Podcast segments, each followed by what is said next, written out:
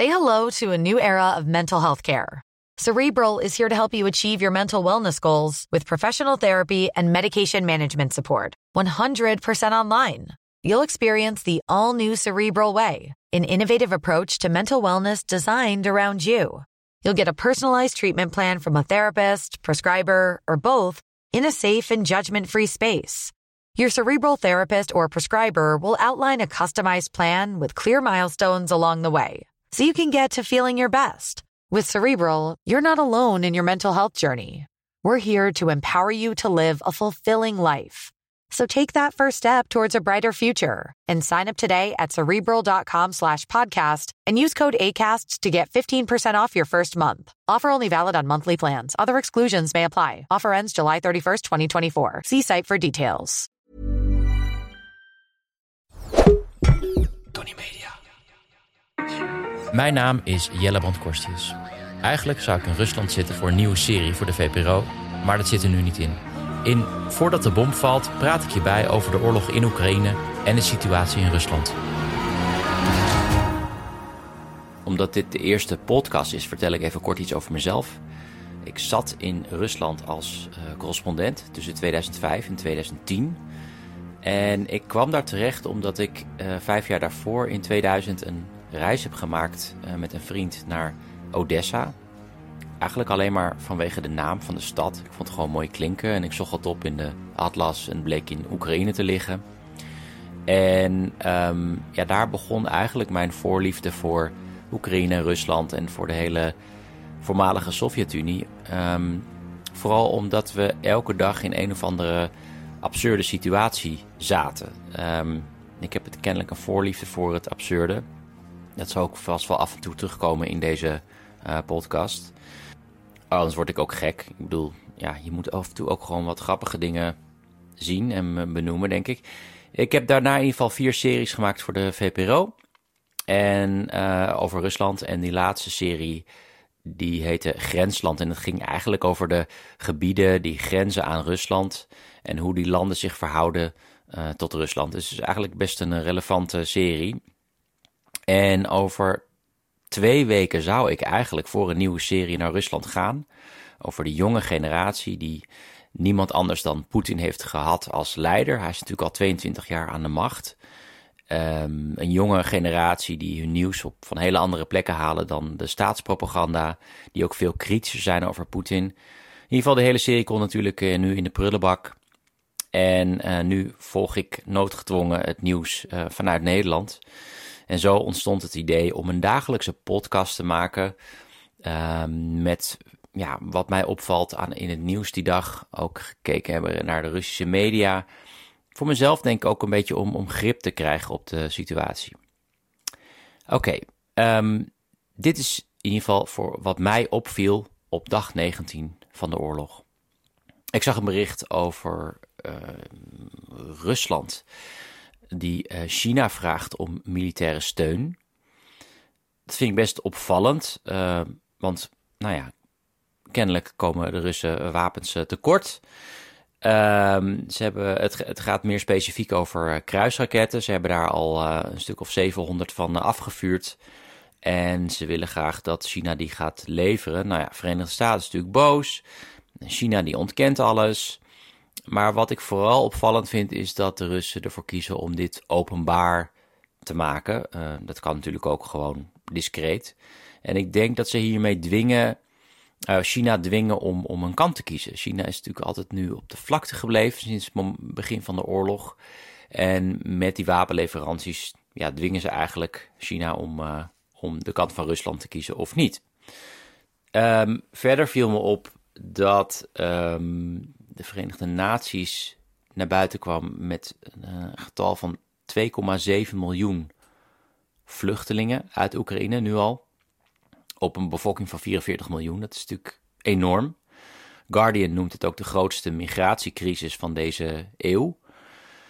Opnieuw uh, zijn er humanitaire corridors uh, ingesteld. tien corridors waar mensen op een veilige manier uh, het land kunnen ontsnappen. Maar ja, die zijn bezaaid met mijnen en die worden beschoten. Dus het is de vraag hoe effectief die zijn. Verder waren er gisteren demonstraties in Rusland tegen de oorlog. Daar zijn 900 mensen opgepakt. Vooropgesteld, het is ontzettend gevaarlijk om daar te demonstreren. Je kan je baan kwijtraken. Je kan uh, flink mishandeld worden door de politie. Er gebeuren ook laatste dagen behoorlijk heftige dingen in, uh, in de Russische gevangenissen. Maar toch, op een bevolking van 140 miljoen, vind ik toch best weinig mensen die dan de straat op gaan om tegen zoiets uh, heftigs als die oorlog te demonstreren. Um, en er ging een filmpje viral, ik zal het uh, filmpje even in de show notes zetten, van een vrouw die staat op het Rode Plein. Ze heeft een, een briefje in haar hand. Er staat op twee woorden, letterlijk, twee woorden. Dus dat zijn de woorden die erop staan. Daarmee bedoelt ze eigenlijk geen oorlog, maar als ze dat op het briefje zou zetten, uh, ja, dan is dat strafbaar. Uh, dan kan ze 15 jaar gevangenisstraf voor krijgen. Uh, ja, zij wordt onmiddellijk alsnog opgepakt.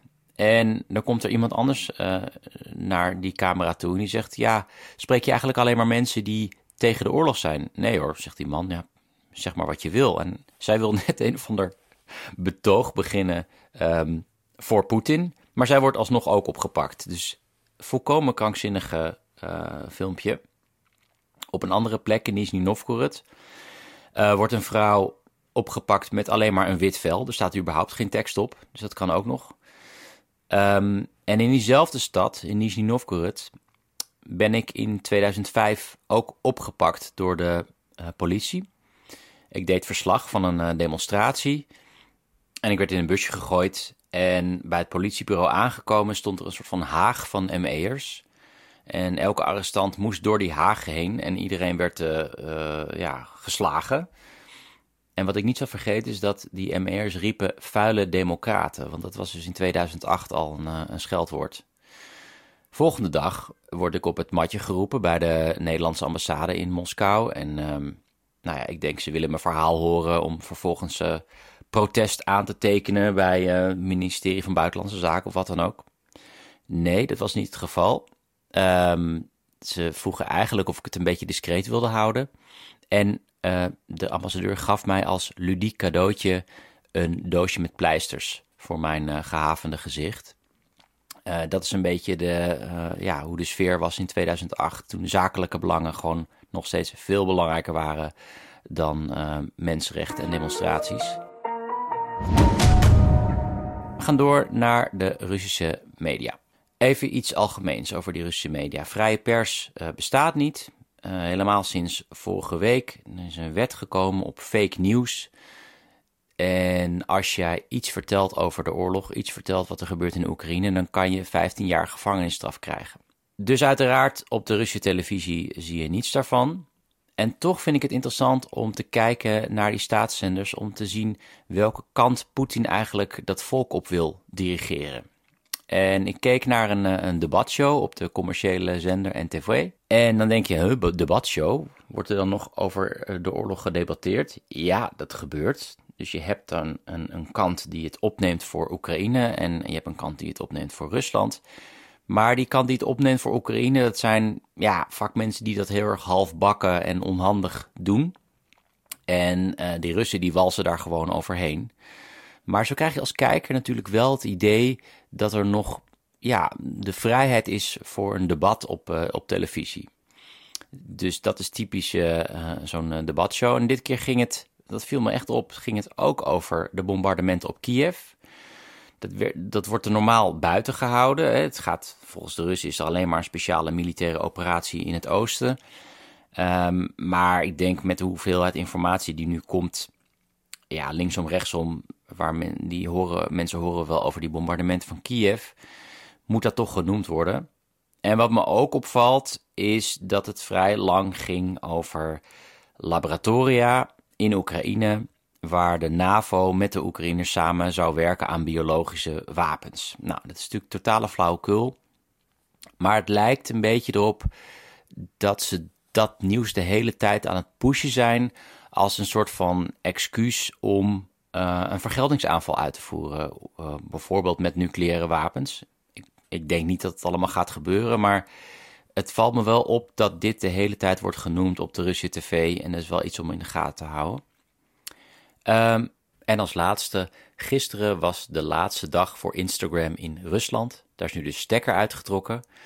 Ehm, niet vanwege sancties of vanwege Instagram, maar vanwege de Russische regering die Instagram ziet als een extremistische organisatie.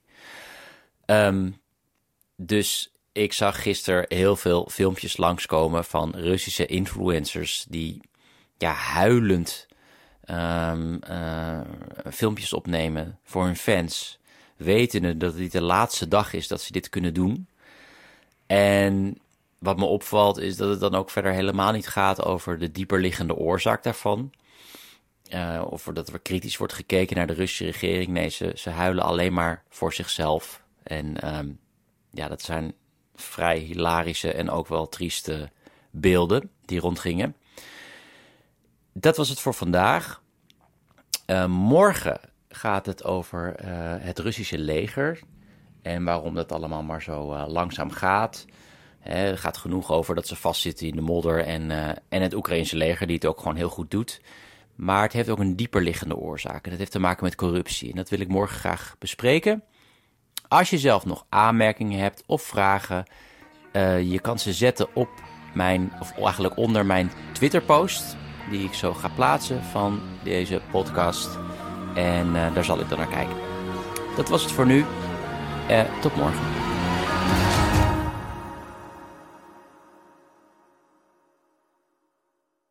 We made USAA insurance for veterans like James. When he found out how much USAA was helping members save, he said, It's time to switch. We'll help you find the right coverage at the right price. USAA. What you're made of, we're made for. Restrictions apply. Tired of ads barging into your favorite news podcasts? Good news. Ad-free listening is available on Amazon Music for all the music plus top podcasts included with your Prime membership. Stay up to date on everything newsworthy by downloading the Amazon Music app for free or go to amazon.com slash news ad free. That's amazon.com slash news ad free to catch up on the latest episodes without the ads.